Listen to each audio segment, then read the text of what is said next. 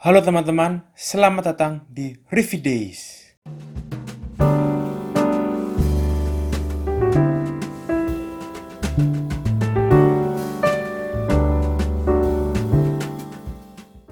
Oke teman-teman, kalau dilihat dari judul episodenya, yaitu menit-menit awal, mencerminkan bahwa ini adalah sebuah episode pembuka dari project podcast yang saya beri nama Reviewed Day.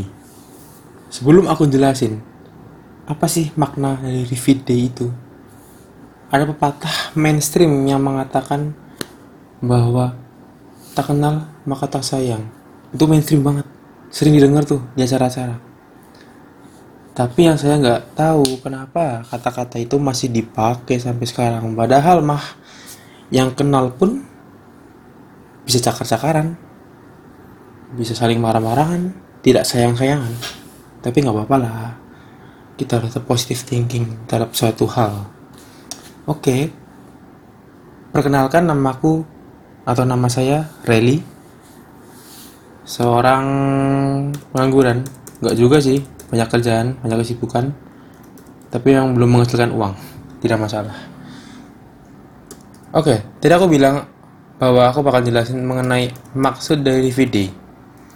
Jadi review day ini aku tahu ketika aku baca sebuah postingan di Instagram yaitu postingan dari akun Steve yang kemudian kalau aku lihat itu adalah sebuah konten atau akun konten yang membahas mengenai masalah kesehatan. Di mana maksud dari review day itu adalah menambah asupan kalori terutama karbohidrat untuk menjaga atau memperbaiki metabolisme dan diharapkan dapat meningkatkan kemampuan atau tenaga untuk beraktivitas kembali. Ya kurang lebih gitulah ya pemahamannya. Yakinlah saya benar pahami gitu. Nah, dari situ saya harap semua konten atau ya apa pun yang saya bicarakan di podcast ini bisa menjadi semacam asupan pengetahuan atau insight bagi para penyimak sekalian dan berguna bagi kehidupan kalian. Kemudian, kenapa sih aku memilih podcast sebagai media untuk mengungkapkan berbagai isi kepala, pendapat, atau keresahan? Kenapa enggak media-media lainnya? Pertama, saya itu lagi pingin nyari sebuah media yang mungkin masih bisa dibilang fresh.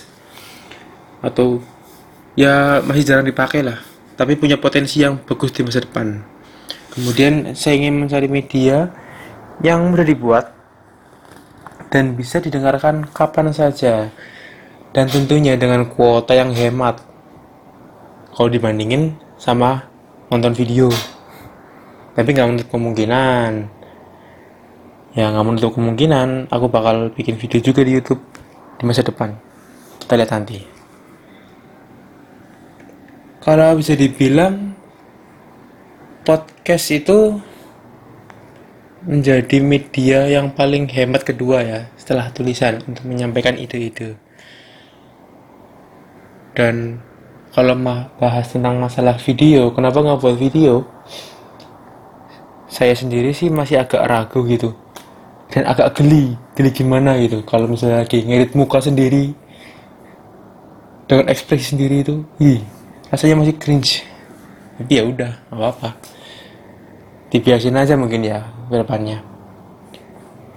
Lalu podcast ini juga aku jadiin sebagai sarana untuk belajar ngomong dengan lancar dan jelas.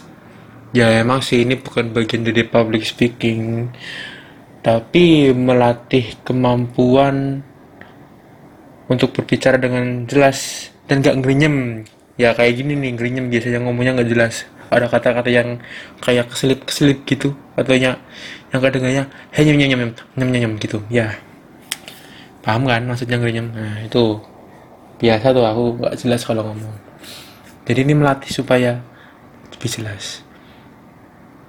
Kemudian saya sebenarnya orang yang suka berbagi atau suka sharing tentang apa yang saya pikirkan terhadap suatu masalah yang terjadi.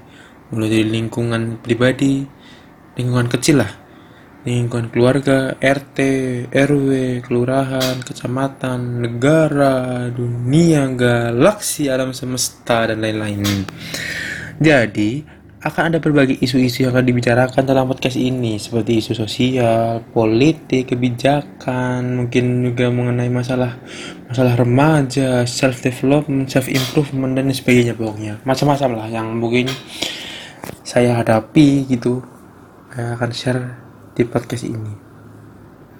Apa yang saya bicarakan di podcast ini mungkin dirasa tidak selalu objektif dan lebih banyak subjektifnya. Tapi saya pikir nggak masalah sih, sejauh itu bisa berguna bagi teman-teman sekalian. Dan juga mungkin saya akan mencoba melihat suatu permasalahan dari berbagai sudut pandang, alih-alih menghakimi secara brutal dan berprasangka yang berlebihan terhadap pelaku atau terhadap sebuah masalah. Menurutku nih, ketika kita sudah punya prasangka yang berlebihan, maka sudah menutup kemungkinan bahwa kita bisa jernih melihat suatu permasalahan dan menyelesaikan sebuah permasalahan. Apalagi kalau misalnya ada berbagai kubu yang fanatis terhadap nilai-nilai yang diyakininya dan tidak saling tidak suka yang tentunya bisa menumbuhkan prasangka yang berlebihan terhadap pihak lawannya. Maka diskusi penyelesaian masalah susah untuk diwujudkan. Jadi teman-teman hatilah terhadap oh hatilah.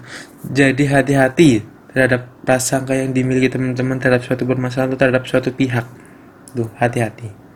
Oke, jadi sekian dulu episode pembuka ini. Nantikan isi atau pembahasan-pembahasan menarik dari podcast ini. See you guys.